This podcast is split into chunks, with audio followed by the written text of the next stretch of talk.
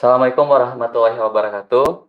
Halo sahabat mutiara semua, ya berjumpa lagi bersama kami berdua, ya bersama saya Agus Garisman.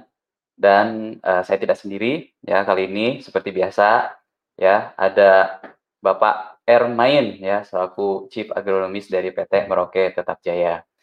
Ya kami mendoakan supaya sahabat mutiara uh, terus dalam kondisi ya sehat walafiat tapi bagi sahabat mutiara yang kurang sehat, ya kami mendoakan supaya sahabat mutiara juga bisa lekas kembali sehat. Ya, uh, episode kali ini cukup menarik karena kami akan uh, membahas dan juga menjawab pertanyaan-pertanyaan itu mengenai kenapa harga pupuk ya se ya saat ini gitu kan terus merangkak naik dan kemudian bagaimana cara uh, menyikapinya Ya selain itu juga nanti ke depannya juga di uh, Temu Tani Online juga kali ini kami juga akan membahas mengenai ya salah satu produk unggulan kami yaitu MPK Mutiara Grower 15920 plus TE. Sahabat Mutiara, uh, kami mengingatkan kami sudah hadir di TikTok nama akun kami yaitu MPK Mutiara. Uh, di sana ada video-video dari squad uh, Mutiara yang menjawab pertanyaan-pertanyaan dari sahabat Mutiara yang masuk melalui uh, Facebook, Instagram maupun channel YouTube kami. Nah, jika ingin bertanya silahkan tulis pertanyaannya di kolom komentar. Silahkan di follow ya di sana konten-konten kami lebih ringkas, lebih singkat dan juga lebih padat. Saya ulangi nama akunnya adalah NPK Mutiara. Seperti biasa, sebelum kita mulai, saya mengingatkan sahabat Mutiara semua, eh, jangan lupa untuk like video ini, kemudian subscribe uh, channel YouTube kami yaitu MPK Mutiara TV dan pentung tanda loncengnya. Nah, jika ingin berdiskusi dengan kami, kami ada grup Telegram yaitu kalau ingin membahas uh, pupuk secara konvensional, kami ada grup uh, Telegram komunitas MPK Mutiara dan kalau sahabat Mutiara ingin berdiskusi dengan kami mengenai hidroponik, kami ada grup Hidroponik Mutiara. Tapi bagi sahabat Mutiara yang ingin bergabung di dua grup tersebut juga tidak masalah, silakan. Oke, Pak Hermain, sebelum kita masuk mungkin ya ke penjelasan atau pemaparan dari Bapak, kita lihat sedikit ya bukan sedikit sih sebetulnya agak banyak tapi nggak semuanya. Kita sebagian ada ya komentar. Komentar mungkin. yang masuk ya? Ya, komentar yang masuk mengenai uh, pupuk yang terus naik. Ya, begitu pertanyaan, kenapa harga pupuk agak mahal? Seperti itu. Nah ini ada misalnya dari ini Pak. Ya, mungkin Bapak udah lihat di layar? Iya. Ya kan? Ini ada komentar.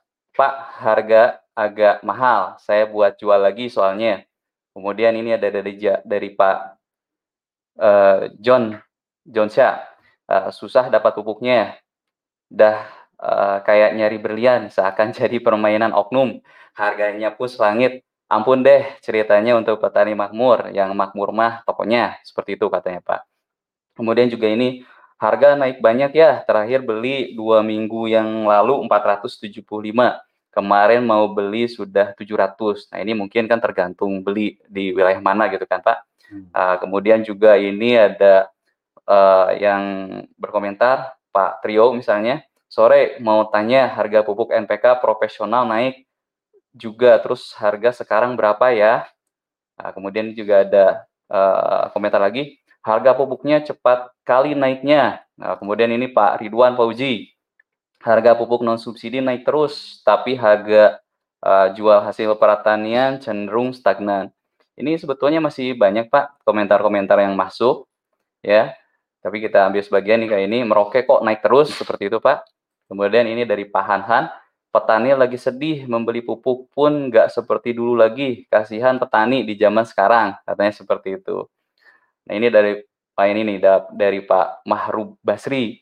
Harga pupukmu juga semakin mahal Merauke. Gimana memihak petani katanya gitu kan? ya masih banyak. Jadi intinya sih uh, komentar kalaupun ya komentar kenapa harga pupuk itu naik gitu kan pertanyaannya. Yang kedua juga ya komentarnya kok ya ya ya harga naik ini juga tidak sebanding mungkin Pak dengan biaya ya produksi yang dikeluarkan petani gitu dan ya ketika panen ya harganya tidak seimbang. Nah, mungkin itu saja sih intinya seperti itu. Jadi mungkin sekarang langsung saja ke pemaparan Bapak. Silakan menurut Pak Hermain itu seperti apa, Pak? Mudah-mudahan ya para sahabat uh, Mutiara bisa mendengarkan dengan seksama gitu. Silakan, Pak. Oke, terima kasih Kang Garis. Ya, terima kasih komentarnya ini uh, saya rasa salah satu bentuk kepedulian hmm. sahabat Mutiara terhadap Merauke tetap jaya terhadap kita ya. Ini terima kasih.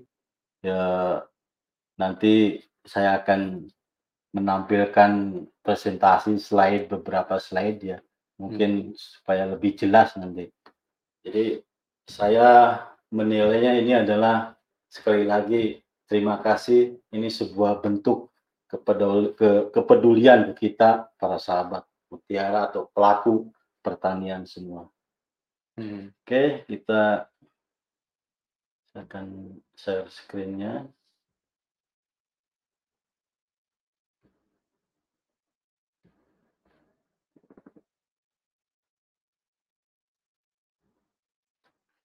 Oke, Assalamualaikum warahmatullahi wabarakatuh. Sahabat Mutiara, salam sejahtera untuk kita semua. Selamat sore, salam sehat untuk kita semua. Uh, tetap semangat ya. Bagi yang masa penyembuhan, uh, semoga lekas sembuh. Oke, pada episode yang ke-57 ini, uh, kita akan sedikit membahas tentang nanti Eh, kenapa pupuk kita terus naik ya. Terus nanti di akhirnya kita akan sedikit menyampaikan uh, spesifikasi salah satu produk kita yaitu grower dan PK Mutiara Grower. Oke, yang pertama uh, sebelum komoditas pupuk ya, saya akan sedikit membahas uh, komoditas tambang lainnya dan ini pun merupakan salah satu nanti raw material atau uh, bahan baku dari pupuk kita untuk sebagai pembanding kenapa pupuk kita terus naik. Yang pertama adalah harga komoditas super cycle. Ada beberapa nanti komoditas yang memang sama dengan raw material kita mengalami kenaikan. Yang pertama adalah komoditas tembaga. Harga tembaga mencapai level terendah yaitu tahun 2016. 2016 itu harganya 2053 US dollar per LBS-nya. Pada tahun 2021 Agustus ini harga tembaga sudah naik menjadi 4.492 US dollar per LBS-nya. Tinggi sekali ya. Tinggi sekali. Ini bahkan sempat mencapai harga 4.790 US dollar per LBS-nya pada Mei 2021 ini. Komoditas yang lain yaitu batu bara sama harga batu bara mencapai level terendah yaitu Agustus 2020. Ya. Ini harga per tonnya sekitar 50 US dollar. Pada tahun 2021 ini mengalami kenaikan menjadi tiga kali lipat ini. 150 US dollar per tonnya. Hasil tambang yang lainnya itu timah. Timah mengalami mencapai level terendah di tahun 2020 yaitu sekitar 13.753 US dollar per tonnya. Mengalami kenaikan di tahun 2021 ini mencapai 34.994 US dolar per tonnya. Luar biasa ini. Rata-rata hampir tiga kali lipatnya. CPO. CPO sama salah satu barang komoditas. Yaitu harga CPO mencapai level terendah pada Juli 2019. Harganya yaitu sekitar 1956 Malaysia ringgit per tonnya. Di tahun 2021 ini harga CPO sudah naik hingga di angka 4.196 Malaysia ringgit per tonnya. Bahkan sempat mencapai level harga 4.544 Malaysia ringgit per tonnya di Mei 2021. Pupuk salah satu termasuk adalah barang komoditas ya. Tentu akan mengalami kenaikan juga karena raw materialnya adalah dari tambang sama. Nah ini kita lihat grafiknya ya Sebagian besar harga pupuk memang melonjak pada tahun 2021 ini. Baik itu fosfat, urea maupun MOP yang akhir-akhir ini mengalami kenaikan juga. Yang awalnya stabil, kita prediksi ternyata naik juga MOP. Ya, dan juga didorong oleh permintaan yang kuat, yang banyak. Ya, karena pertanian semakin banyak diminati dan juga harga input yang lebih tinggi. Harga pupuk diproyeksikan memang rata-rata naik seperempat lebih tinggi pada tahun 2021 ini dibandingkan tahun yang lalu. Dan ini masih belum berakhir di tahun depan 2022. Jadi sahabat mutiara ya seperti ini gambarannya bukan kita nggak mau untuk tidak naik juga termasuk resiko karena kecepatan ekspansi kapasitasnya. Juga tensi eh, geopolitik ya. Ketegangan geopolitik juga pengaruh. Pada mungkin ke depan eh, pertengahan ya jangka jangka menengah itu juga isu eh, lingkungan dan kebijakan penggunaan pupuk juga akan mempengaruhi ini mempengaruhi ya jadi eh, DAP urea dan MOP semua naik dan ini adalah bahan baku yang digunakan oleh semua produsen pupuk, baik di dalam negeri maupun di luar negeri. Ya.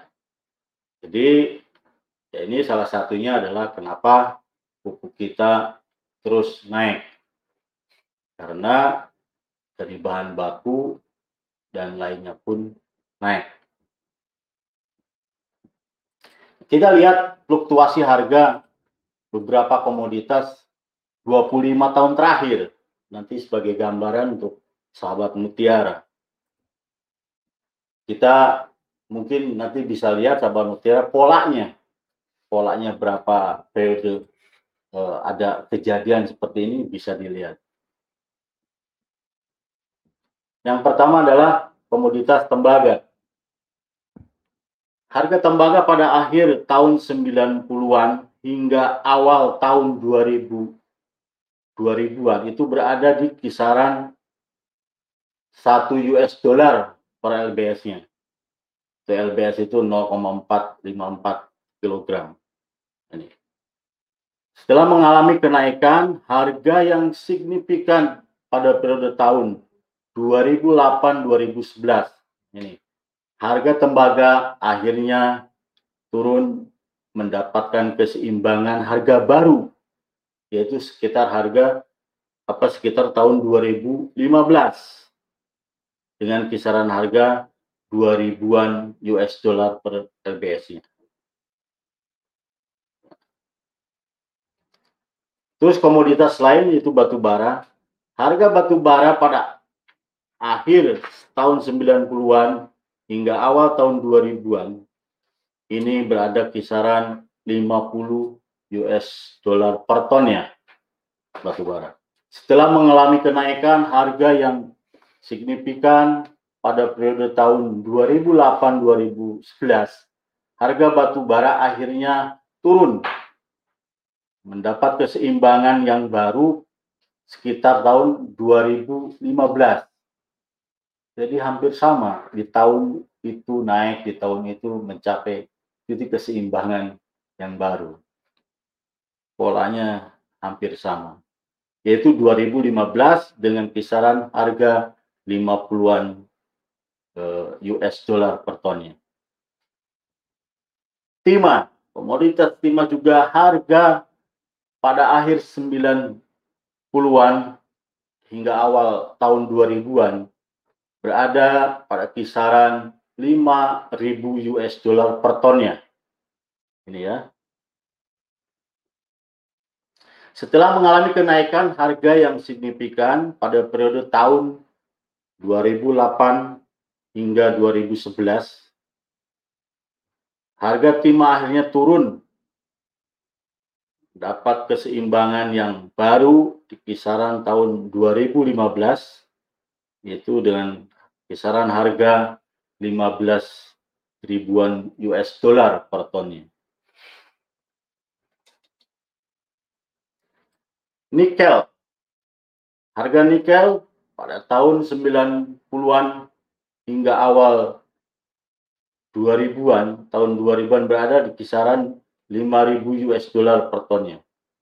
Setelah mengalami kenaikan harga yang signifikan di periode tahun 2006 sampai 2011, harga nikel akhirnya turun mendapat keseimbangan yang baru sekitar tahun 2015 itu dengan kisaran harga 8 ribuan US dollar per tonnya. CPO sama.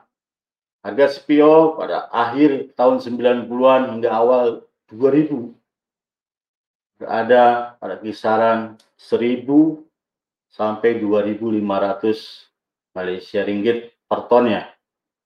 Setelah mengalami kenaikan harga yang signifikan pada periode tahun 2008-2012, harga CPO akhirnya turun mendapat keseimbangan harga baru pada sekitar tahun 2014 2015 dengan kisaran harga 2000-an Malaysia ringgit per tonnya. Jadi eh, sahabat Mutiara kalau masih ingat di tahun 2008 itu harga pupuk kita NPK yang awalnya sekitar 3 ribuan itu di tahun 2008 itu bisa mencapai 9.000 sampai 10.000 luar biasa ini tiga kali lipat. Dan polanya sama ya. Tapi tiga tahun setelah itu 2011 2012 itu mengalami titik keseimbangan baru yaitu sekitar harga 6.000 7.000. MOP juga sama. Yang awalnya 2000-an itu bisa naik menjadi 6.000, tiga kali lipatnya. Tapi setelah 3-4 tahun ada titik keseimbangan harga baru yaitu 2011, 2012 MOP yaitu sekitar harga kisaran 4 ribuan. Ya. Nah, ini tahun ini kejadian lagi. Polanya seperti itu. Ya. DAP, urea, MOP semua naik itu karena raw material atau bahan baku dari eh, pupuk NPK. Ya. Oke, masalah yang kedua adalah kontainer. Yang pertama adalah harga kontainer. Karena semua pelaku bisnis eh, ekspor maupun impor itu sekarang menggunakan jasa kontainer. Nah, ini dari Treasury ini uh, dia uh, uh, apa menganalisa yaitu yang tadinya harga kontainer 1000 US dollar menjadi 9.330,28 US dollar per satu kontainer yang 40 feet. Luar biasa. Ya. Nah ini. Terus yang lain adalah kelangkaan atau kurangnya kontainer. Karena apa? Ini masa pandemi. Setiap ekonomi, setiap negara melemah. Kegiatan ekspor ini mempengaruhi juga, melemah juga. Ya, karena ada adanya pandemi COVID-19. Setiap negara ekonominya melambat. Nah, ini perputaran kontainer akan terganggu, menjadi terganggu termasuk pupuk kita juga. Kenapa pupuk kita langka? Ya sering langka karena perputaran kontainernya tidak normal. Karena masing-masing negara akibat pandemi ini adalah ekonominya melemah, kegiatan ekspornya juga melemah. Dreri memperkirakan bahwa tarif akan meningkat lebih lanjut dalam beberapa minggu mendatang. Tapi mudah-mudahan dia dari tadi apa polanya itu dua sampai empat tahun itu mencapai ke titik keseimbangan harga baru. Mudah-mudahan para sahabat mutiara eh, segera eh, turun harga pupuk kita ya. Jadi kesimpulannya yaitu Kenapa pupuk kita mahal? Karena harga komoditas atau raw material DAP, urea, MOP itu naik. Ya, yang kedua adalah kurangnya kontainer atau perlambatannya perputaran kontainer. Oke, dengan masalah itu, saya sebagai eh, kami yang bergerak di pupuk itu sedikit memberikan masukan kepada sahabat Mutiara untuk supaya lebih optimal lagi dalam menggunakan pupuk atau pemberian nutrisi terhadap tanaman. Yang pertama adalah substitusi pupuk. Merauke mempunyai produk 34 macam produk itemnya ada 34 sampai hari ini. Misalnya Amopos ditambah dengan MOP itu bisa bisa jadi NPK ya atau formula lain sprinter partner ya itu bisa jadi alternatif pilihan. Oke. Terus yang berikutnya adalah mulai peduli dengan tanah, yaitu pembenahan tanah, pemberian bahan organik, ya supaya efisiensi atau efikasi pupuk yang kita tabur itu lebih optimal karena dengan pemberian bahan organik terhadap tanah kita. Juga mengupayakan pembenahan pH pada TTO sebelumnya, saya masih ingat Kang Garis yang membawakan bahwa pH yang rendah itu efikasi atau efisiensi pupuk yang kita berikan ke tanaman itu akan berkurang. Karena apa? Nutrisi itu diikat oleh tanah, pelit. Misalnya gini, kalau pH-nya rendah, 4 atau 3, itu pemberian pupuk misalnya 1 kilo, mungkin efisiensinya hanya setengahnya atau 40 persennya atau 30 persennya bahkan. Jadi mulai sekarang silakan benahi ya pH-nya, bahan organiknya. Yang ketiga, pemberian mikroorganisme atau agent hayati. Kita ketahui bahwa deposit fosfat yang ada di tanah itu banyak. Nah, ini ada mikroorganisme yang bisa yang tadinya fosfat yang tidak tersedia menjadi fosfat tersedia. Salah satunya ya bacillus ya atau mikroorganisme yang lain. Nah, ini bisa karena fosfat ini adalah salah satu hara yang imobil di dalam tanah dan itu terus kita petani pelaku pertanian memberikan fosfat terus menerus akhirnya terdeposit dengan uh, banyak. Nah, ini bisa uh, peluang ini bisa kita gunakan. Yang keempat yaitu menggunakan biostimulan. Asam umik itu kita tahu bahwa bisa memperbaiki pH tanah juga. Asam pulpik itu juga bisa merombak fosfat yang tidak tersedia menjadi fosfat yang tersedia dan asam amino ya itu bisa menstimulan atau menstimulasi pertumbuhan dan perkembangan tanaman supaya lebih cepat lagi.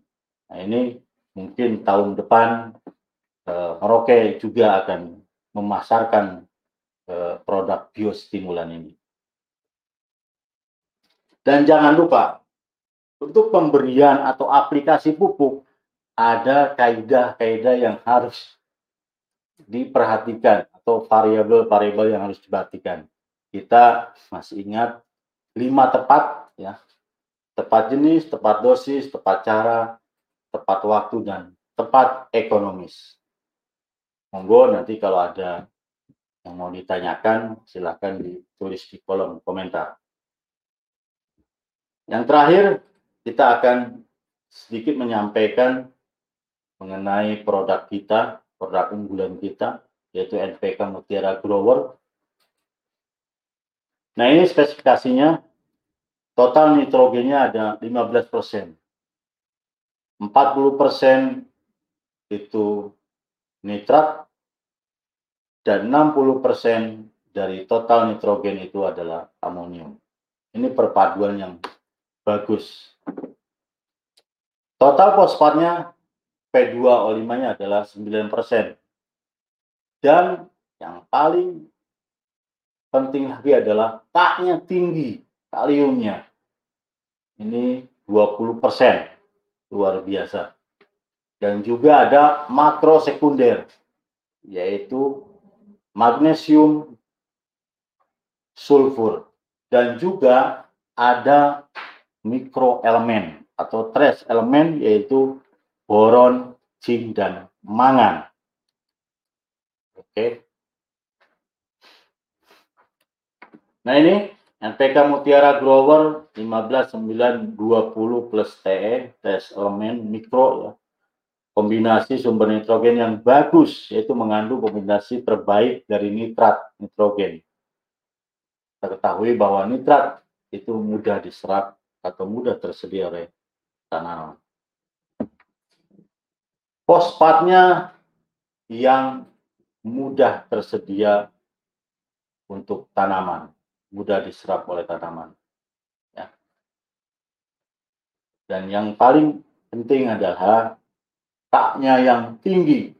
Ini cocok untuk pembesaran buah atau pembesaran umbi masa generatif. Nah ini beberapa keuntungan. PK Mutiara Growel 15920 plus TE ya bentuk nitrogennya ada dua amonium dan nitrat. Ini perpaduan yang bagus. Mengandung 15 nitrogen 9 fosfat dan 20 kalium.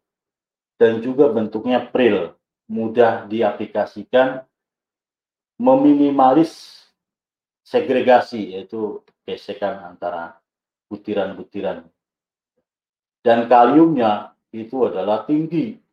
20% dan mudah atau lebih merata dalam aplikasinya.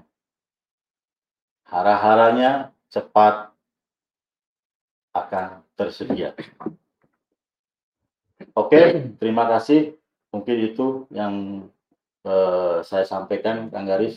Nanti kalau ada pertanyaan atau komentar, monggo saya serahkan ke Kang Garis. Silahkan, Kang Garis. Ya, baik. Terima kasih banyak Pak Hermain atas penjelasannya. Ya, jadi sahabat Mutiara, ya mudah-mudahan tadi ada sedikit gambaran atau informasi mengenai ya mengapa sih produk kami naik gitu kan. Ya tadi betul seperti Pak Hermain ini uh, keluhan-keluhan ataupun komentarnya tadi itu ada sebagai salah satu bentuk kepedulian ya Pak. Ya, ya. terima kasih banyak pada para uh, ya mitra dealer ataupun toko kios pertanian dan juga ya tentu saja para sahabat tani semua ya sahabat mutiara semua yang yang masih setia gitu Pak menggunakan produk kami. Ya mudah-mudahan tadi ya jelas gitu kan ada sedikit gambaran. Tapi uh, bagi sahabat mutiara yang masih ingin mungkin berdiskusi ataupun bertanya, ya kita lanjut Pak nanti mungkin di sesi berikutnya yaitu di sesi tanya jawab. Tapi sebelum kita masuk ke sesi tanya jawab, kita simak video berikut ini.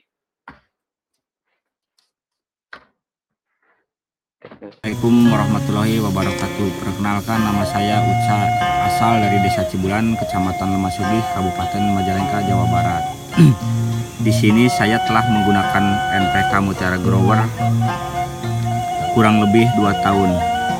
Kenapa saya memilih NPK Mutiara Grower? Karena kandungan kaliumnya sangat tinggi dan cocok untuk masa pas untuk masa pembuahan. Yang saya rasakan perbedaan yang saya rasakan setelah memakai NPK Mutiara Grower satu buah buah lebih lebat yang kedua buah lebih padat. Yang ketiga warna buah merah mengkilap dan warna sangat terang. Yang keempat buah lebih berat. Sebelum sebelumnya saya biasanya produksi saya per pohon cuman 5 on. Tapi alhamdulillah setelah saya pakai grower produksinya meningkat 8 on per pohon sampai 1 kilo lebih. Sekian dari saya. Assalamualaikum warahmatullahi wabarakatuh. Mutiara grower mantap. Merauke tetap jaya